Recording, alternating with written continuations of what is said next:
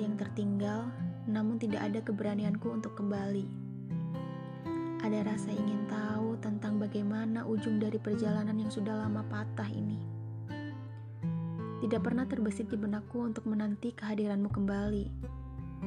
Mungkin berlebihan, sesederhana bertemu denganmu lagi saja aku tidak ingin. Karena sekuat apa pun aku bertahan tanpamu selama ini, aku sangat yakin semua akan runtuh dalam hitungan detik ketika nanti bertemu denganmu lagi.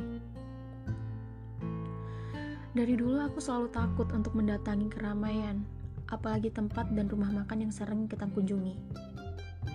Ya, karena hatiku tidak sekuat bibirku yang selalu menjelaskan pada semua orang bahwa aku baik-baik saja.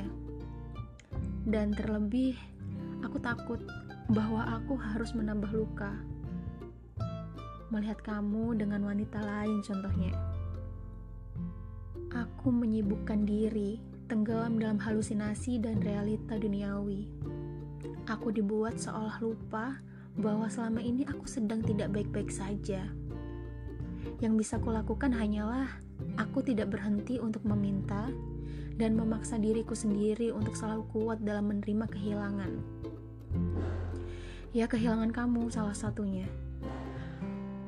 Aku pun membuat seolah diriku buta dan mati rasa bahwa selama ini yang terisi dalam dada dan otakku hanyalah penolakan.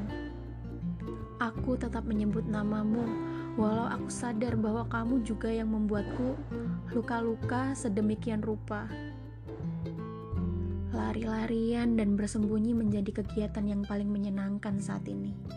Sampai akhirnya aku tiba di suatu titik jenuh, aku merindukanmu.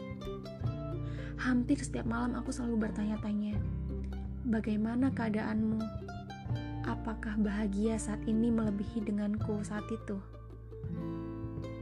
Seperti apa perkembangan kuliahmu? Dan masih banyak lagi pertanyaan yang tidak pernah kutemukan jawabannya. Sampai akhirnya aku hanya bisa berdoa sebelum pergi tidur. Ternyata semakin dalam aku menenggelamkan diri dalam kesibukan, semakin terasa bahwa aku ini sedang kesepian. Kupikir pulang akan menjadi tujuan dan obat untuk segala resah. Ternyata, entah ini menjadi obat dari segala resah atau malah membuatku semakin gundah. Aku dipertemukan lagi dengan lelaki yang kucintai lima tahun yang lalu. Sangat kucintai.